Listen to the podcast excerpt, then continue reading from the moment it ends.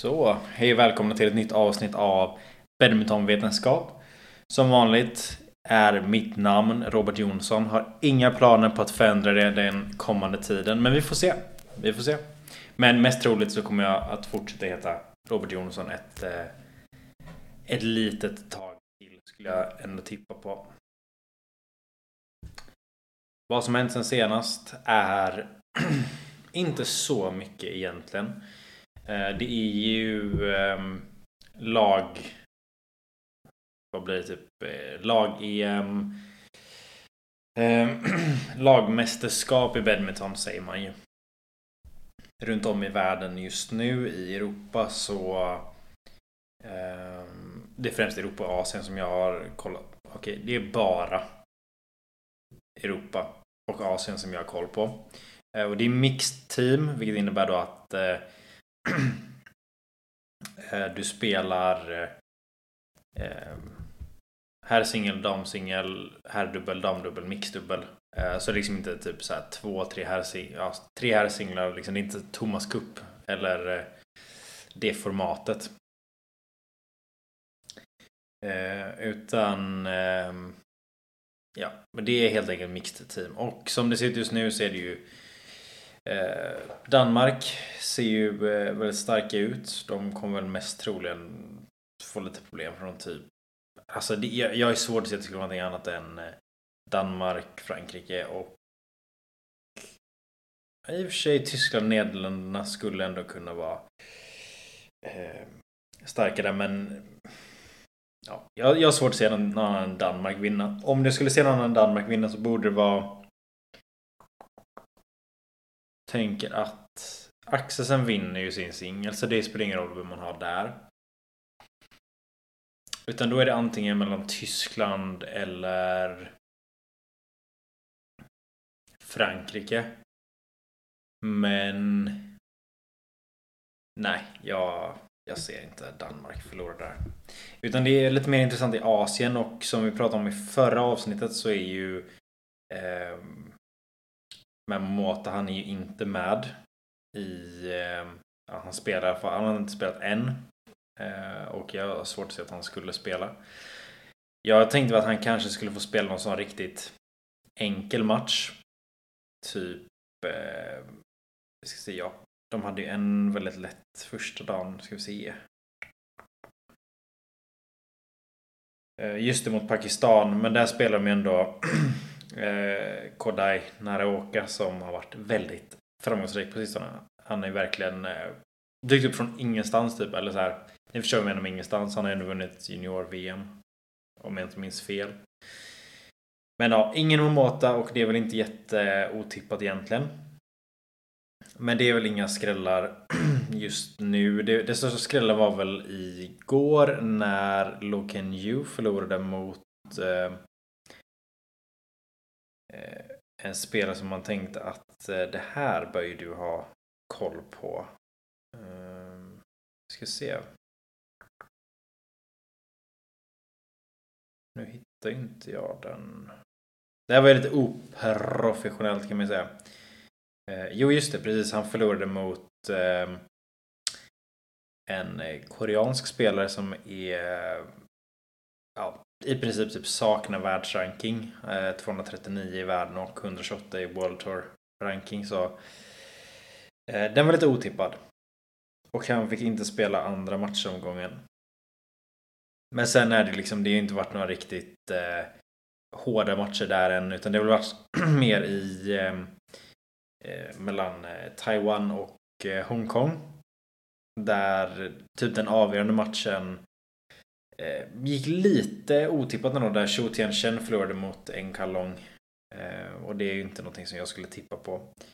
Men han har också varit, han har varit lite svajig i form på sistone. Det kanske märks av att han har tävlat typ varje vecka i typ sju år. Han tävlar fruktansvärt mycket. Men um, um, ja, det, det var liksom typ den största skrällen. Sen eh, har det inte varit några så här toppmöten än utan imorgon så har du ju Kina mot Korea, eh, Indonesien mot Thailand, eh, Japan mot Taiwan, Och Malaysia mot Indien. Så imorgon kommer vara riktigt, riktigt, riktigt intressant att följa vad som händer. Eh, men jag vågar faktiskt inte tippa på någonting. Utan jag tror att eh, mm, jag tror att Indonesien kommer vara de starkaste. Eh, ja, Kina får jag väl ändå säga. Men de har också spelat med lite oklart lag. Eh, har inte spelat än. Jag har faktiskt inte sett laguppställningen heller. Sen ska man ju aldrig räkna bort Malaysia för de har ju varit stabila också. Men men, det är inte därför vi är här idag. Utan ehm, för att leda in lite snyggt på dagens ämne så ska jag berätta om vad jag gör just nu i min egna träning. Och eh, efter liksom det här senaste de senaste två, tre, att, typ, säg fyra åren har ju mitt, min tränings... Det har inte gått så bra rent träningsmässigt. Mycket skador, liksom börjar med ryggen. Den är fortfarande inte bra men den är hanterbar när jag inte spelar badminton. Sen har vi eh, min axel som är den senaste som verkligen förstört. Eh, ja, jag kan liksom inte köra bänkpress ordentligt. Eh, det liksom begränsar mig på rätt många olika sätt. Eh, och det vill alltså säga att jag verkligen inte kommer kunna spela badminton. Men jag har också kämpat med överträning. Och det, den kommer ju från konditionsträning vilket jag märker av för att jag kan ändå typ träna styrketräning rätt, rätt okej okay, liksom utan större problem. Men så fort jag typ cyklar i 10-15 minuter så, så är jag verkligen illamående hela dagen sen. Så det är någonting där. Men just nu så har jag börjat med någonting, liksom en body recomposition, vilket i princip innebär att jag ska inte förändra min vikt så mycket på vågen. Eh, utan jag ska bygga muskler och eh, tappa fett. I ungefär samma takt då, så att man byter ut muskler mot fett i princip. Och eh, det är faktiskt ett väldigt kul projekt. Jag är inne på vecka två nu. Där jag smög igång förra veckan med eh, det här nya träningsschemat. Och eh, jag märkte att liksom det, det funkade inte för mig att liksom fokusera på styrka som jag gjorde innan. Ehm, för det liksom, jag kände av liksom i lederna, de, de tyckte inte om det så mycket. Det, det, var lite, lite problem. Men eh, nu de här ja, en och en halv vecka eller vad man ska säga. Det har gått otroligt bra. Det är skitkul att träna. Jag har liksom inte de här övertränings den överträningsproblematiken jag haft innan. Den är eh, den är hanterbar för tillfället. Eh, och som jag lagt upp träning så tränar jag tre lite kortare pass måndag, tisdag, nej, jo måndag, tisdag, onsdag. Och där är det liksom ben på måndag. Sen är det pull, vilket det vill säga rygg och biceps på tisdag och sen på onsdag så är det push som är triceps, axlar och bröst. Sen så vilar jag torsdag. Fredag så har jag ett längre, liksom ett mer, mer volym, ett benpass. Och på eh, lördag så är det ett Eh, överkroppspass och där är det liksom inte armar utan det är bara rygg, bröst och axlar där. Och det, det har varit jätteskoj. Det har varit skönt att bara liksom känna att jag kan köra på utan att vara för orolig för hur, eh, hur min kropp kommer att svara. Dieten är fantastiskt bra. Jag har räckt upp en kostplan som, som funkar. Alltså jag har liksom inte, jag har inte några direkta cravings. Jag har energi, jag mår bra. Det varierar så det är rätt roligt också. Jag äter inte det här du vet, ah, kycklingris och broccoli som, som jag gjort många gånger innan eller som de flesta tror att man gör idag utan jag äter Frukost brukar vara kvarg och havregrynsgröt. Eh, sen så käkar jag en, ja, sen käkar jag faktiskt kycklingris och eh, någon grönsak. Ofta är det lite roligare än broccoli men det kan vara en sån här wokat eller sådär. Eh, någon typ av sallad eller så till det. Och det är den tråkiga måltiden och den la jag först för att eh, mitt på dagen är man ju liksom inte här trött och man är inte så sugen. Så det är ändå okej okay att äta det. För sen på kvällen då så har jag möjlighet att äta eh, Jag har ätit en taco bowl som består av eh, Ja, det är ris Det är kycklingfärs Tacokryddor såklart och sen så är det liksom massa grönsaker och en väldigt låg kalorisås. Ofta salsa då. Och det, det är otroligt. Det är jättenice. Och sen så har jag faktiskt också haft en pastarätt. Så det är typ pasta med tomatsås eh, som man begränsar fettet och kyckling till det.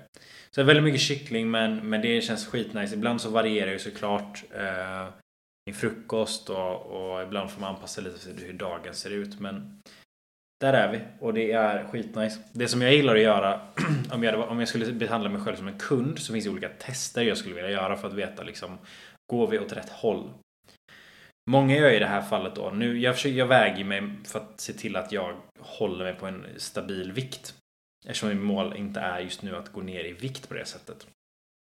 Sen kan det nog hända att jag gör det ändå bara för att jag kommer tappa fett snabbare än vad jag bygger muskler. Vilket är rimligt.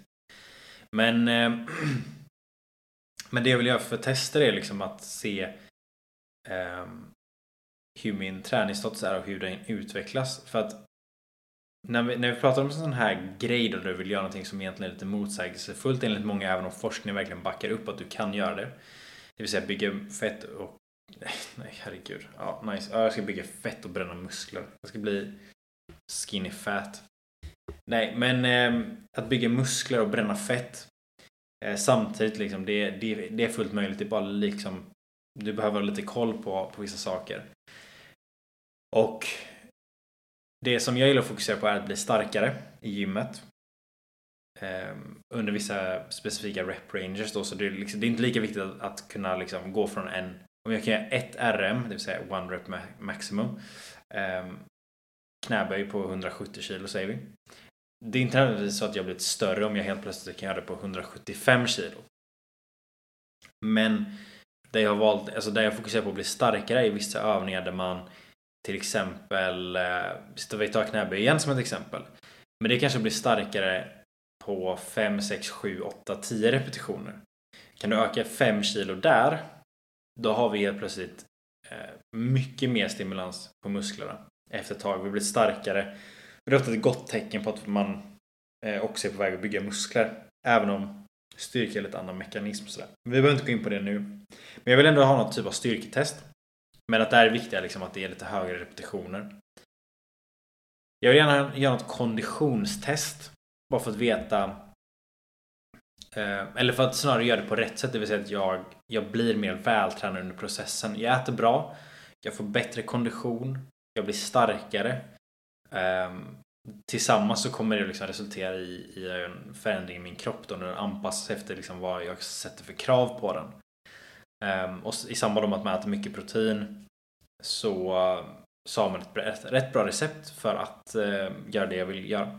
Men då är det de här testerna vi är inne på. Det är det som dagens avsnitt ska handla om. Hur man ska testa ehm, eller vad det kan vara bra att veta som spelare om sig själv. Om ens fysiska status. Och jag önskar att jag hade gjort det här när jag spelade. Det behöver inte vara de här jätteavancerade grejerna där du går in i ett labb och du ska göra liksom ett eh, VO2 max-test. Det vill säga att du springer till utmattning för att se hur mycket syre din kropp kan ta upp. Eftersom att VO2 max maximal syreupptagningsförmåga. Ehm, det behöver inte vara liksom där du tar ehm, ehm, liksom verkligen ska mäta med, med avancerad utrustning helt enkelt. Det här är de enkla testerna jag önskar att jag hade gjort när jag var yngre. För att kunna följa då under flera års tid och gradvis bli bättre på dem helt enkelt. Och det första testet som jag vill nämna är någonting som jag tidigare sagt att jag är lite emot. Men det här är ett väldigt bra generellt test för en idrottare och för en, typ vilken individ som helst att ha koll på. Och det är Cooper-test. Och Cooper-test är ju precis det här som vi pratade om då med VO2 max. Och varför det är bra att veta det är för att även om inte det har en direkt korrelation till hur länge du kommer orka spela badminton som att det påverkas av din fotarbetsteknik, hur, hur mycket energi du slösar på eh, alltså på att du är tvungen att reagera för att du inte är eh, eh proaktiv i ditt spel. Det är, det är så många saker som påverkar det. Men att ha en bra syreupptagningsförmåga är något som är viktigt ändå. Och eh, det, mest, alltså det bästa testet som vi har egentligen för att göra det utan att gå in i ett labb är just Cooper-test. Och det innebär ju då, som jag nämnt tidigare, att du springer 3 km så fort du kan. Eller du springer så långt du kan på 12 minuter. Och det här är någonting som är viktigt att man standardiserar, vilket innebär att om jag springer första gången under perfekta förutsättningar, det vill säga jag har gått eh, eh till en... Fan är det någon som skriker i bakgrunden? Grannen som håller på. Um, om jag går ut och springer ett Cooper-test. Jag springer tre kilometer för jag, det finns en sån utmärkad bana någonstans. En liten slinga. Det är uppför, det är nerför, det är eh, blandad terräng. Liksom. Ibland är det asfalt, ibland är det eh, lerigt, ibland är det grusigt liksom.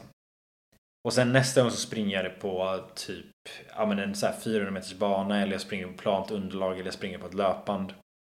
Jag kan inte jämföra de delarna rakt av eftersom att det är på olika banor. Utan i det här fallet så är det viktigt när vi gör ett coop test för, för att vi ska faktiskt få ut så bra siffror som möjligt så måste vi göra det under rätt förutsättningar. Och det innebär i princip bara att göra det på ett plant underlag. Eh, Liksom försök att inte det är för, för stor skillnad i temperatur så att du liksom springer första gången och det är 30 plusgrader. Nästa gång springer du och det är spöregn och liksom typ 3-4 plusgrader. Det kommer påverka prestationen. Men det handlar i alla fall om att liksom hitta någon typ av, av så här standardisering. Du kan fortfarande göra testerna men bara att man tar hänsyn till det. Helst vill man ha samma förutsättningar. Och det är det jag försöker säga att om du gör det på löpband så gör du det på löpband nästa gång också. Det som man ska tänka på genom att göra det på löpband är att du måste luta upp bandet till en lutning på eh, det här liksom när det står ettan för att du behöver ha lite lutning för att kompensera upp för det bristande luftmotståndet som du inte känner av när du springer inomhus. Och därför lutar man då upp bandet lite grann. Eh, som de ska liksom motsvara det. Men det bästa är som sagt klar mark utomhus. Men gör det på samma sträcka i alla fall så du kan jämföra med dig själv. För det är ändå där det kommer han, liksom, det handlar kanske inte så nödvändigtvis om exakt vad du får ut för resultat. Utan det är viktigt att du ändå kan se en gradvis progression, en förbättring över tid jämfört med dig själv. Det är det som är det viktiga. Och det kommer vara det viktiga om alla de här testerna. Men så om du inte har gjort ett sånt test så rekommenderar jag verkligen att du gör det.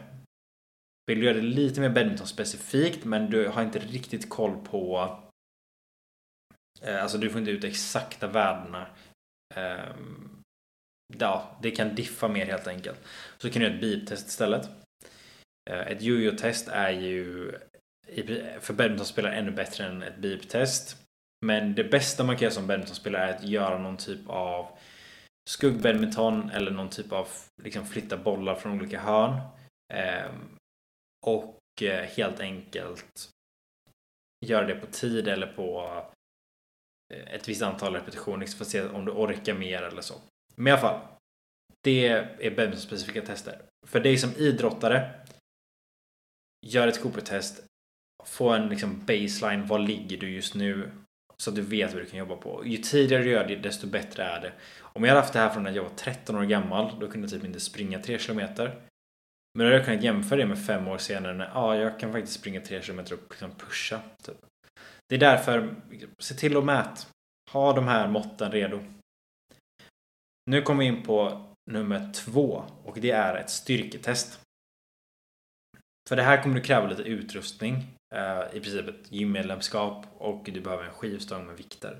Och det är faktiskt ett, ehm, ett ehm, maxtest i knäböj för att veta ens styrka i underkroppen.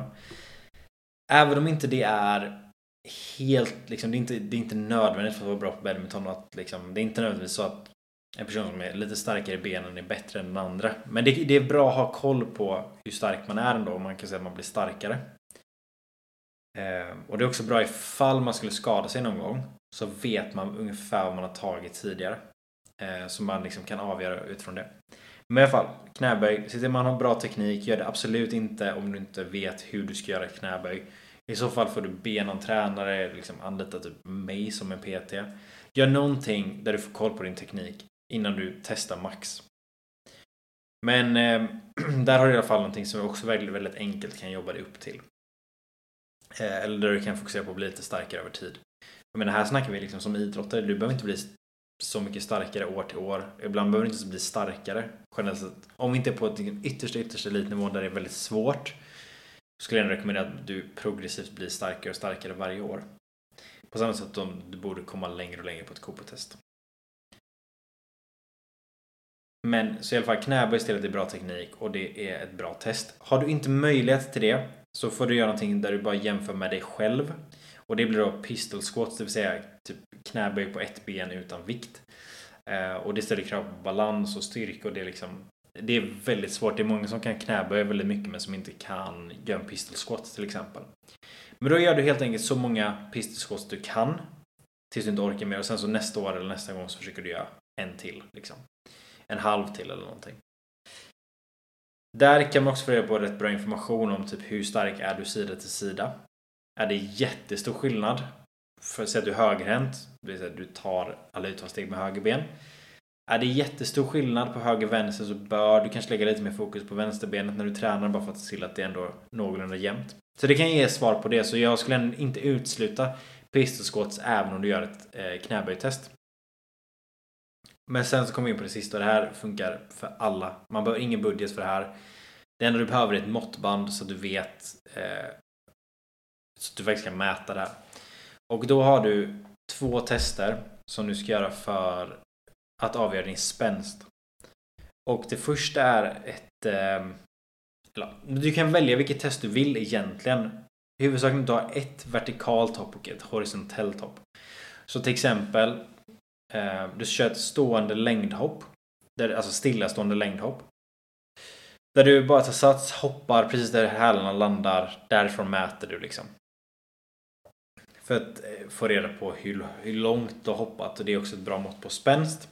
Där finns det lite tabeller också som man kan utgå från vilket är trevligt men det finns inte jättemycket, det finns inte lika mycket på ett horisontellt hopp, det vill säga eh, längdhopp, som är vertikalhopp.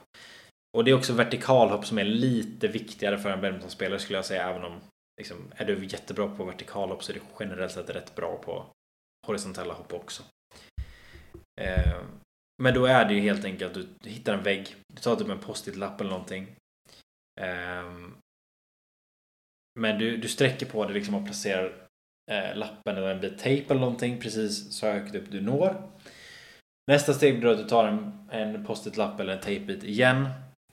Eh, och den här gången så hoppar du och liksom touchar väggen på den högsta punkten. Och då kan man liksom jämföra skillnaden mellan, mellan de två. Eh, eller om du liksom bara mäter att ah, men okej, när jag sträcker på mig så är jag två meter lång och när jag hoppar så når jag till 2,50 vilket innebär att jag då hoppar eh, 50 cm. Det är väldigt enkla test. Sen finns ju mycket mer avancerat man kan göra liksom, där du börjar involvera eh, sensorer och grejer. Men, men eh, det, det, är inte riktigt nödvändigt. Det blir lite mer akkurat om vi säger så. Men syftet med det här är ju att du ska ha en uppfattning om hur, hur långt och hur högt du hoppar, liksom, hur din spänst ser ut. Och eh, det man ska fokusera på liksom när man när man gör sådana här olika tester är att det ska vara lätt att göra om dem. Det är en jätteviktig grej.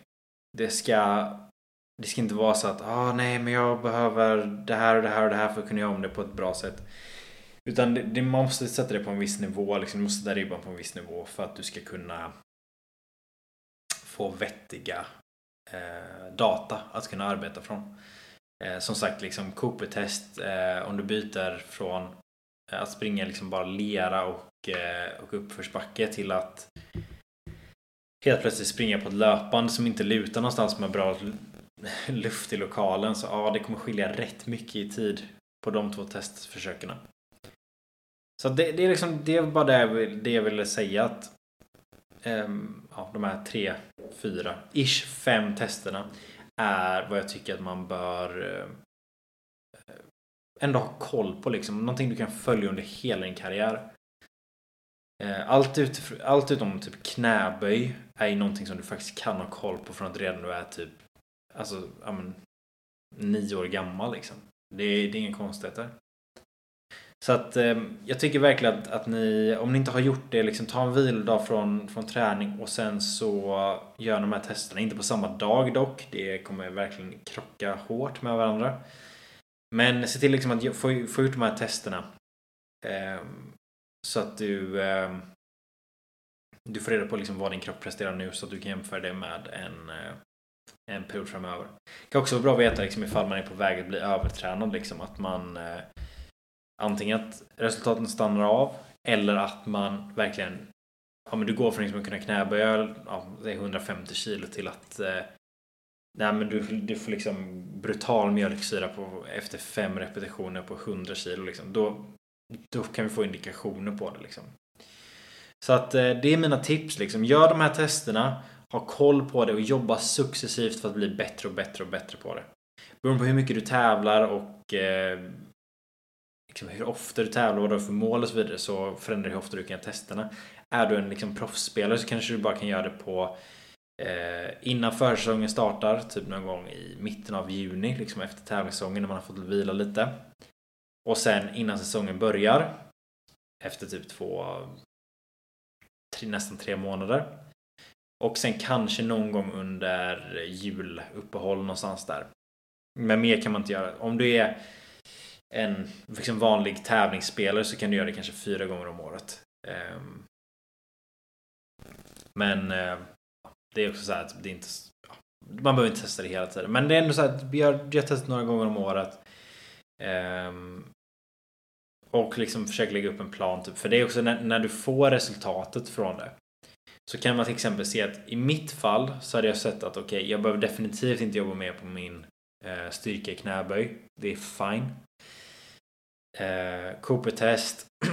ja, det ska vi nog jobba lite på. Och eh, vertikalhopp, längdhopp eh, helt okej. Okay. Och då hade jag kunnat se att okej, okay, jag behöver fokusera på min kondition just nu.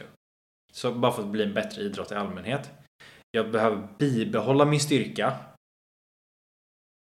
Men jag bör lägga om min styrketräning till att vara lite mer explosiv och lite mer spänst. Äh, ja, helt enkelt innehålla mer av dem, av explosivitet och spänst. För att göra mig till en bättre idrottare. Eh, och det var något som jag inte gjorde, vilket var dumt. Och eh, det ångrar jag idag. Men därför säger jag det till er liksom att se till att ha koll på de här. Eh, hitta liksom en viss baseline beroende på vad ni har för mål.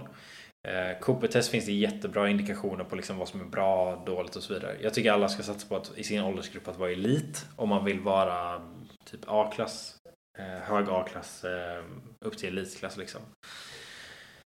Sikta på det och eh, ja, jobba på liksom. Försök, alltså jobba verkligen centimeter för centimeter i, i spänst och eh, kilo för kilo i knäböj. Det var allt för den här eh, veckan. Jag eh, kommer också lägga ut någon eh, Ja men eh, typ någon video om det här eller någon Typ jag håller faktiskt på att skriva lite dokument om just vad man ska göra för tester och hur man kan göra dem och liksom lite vad de säger om dig som idrottare. Som jag kommer släppa via Sugiyama då, så det blir sugiyamabadminton.com för det. Ehm, finns det några typ träningsprogram som jag har gjort där som kan vara vettiga att kika in. Det är gratis, så gör det. Men ja, tills nästa vecka så får ni ha det så bra och eh, gör testerna. Det är värt det. Men vi, eh, vi hörs. Ha det så bra. Hejdå.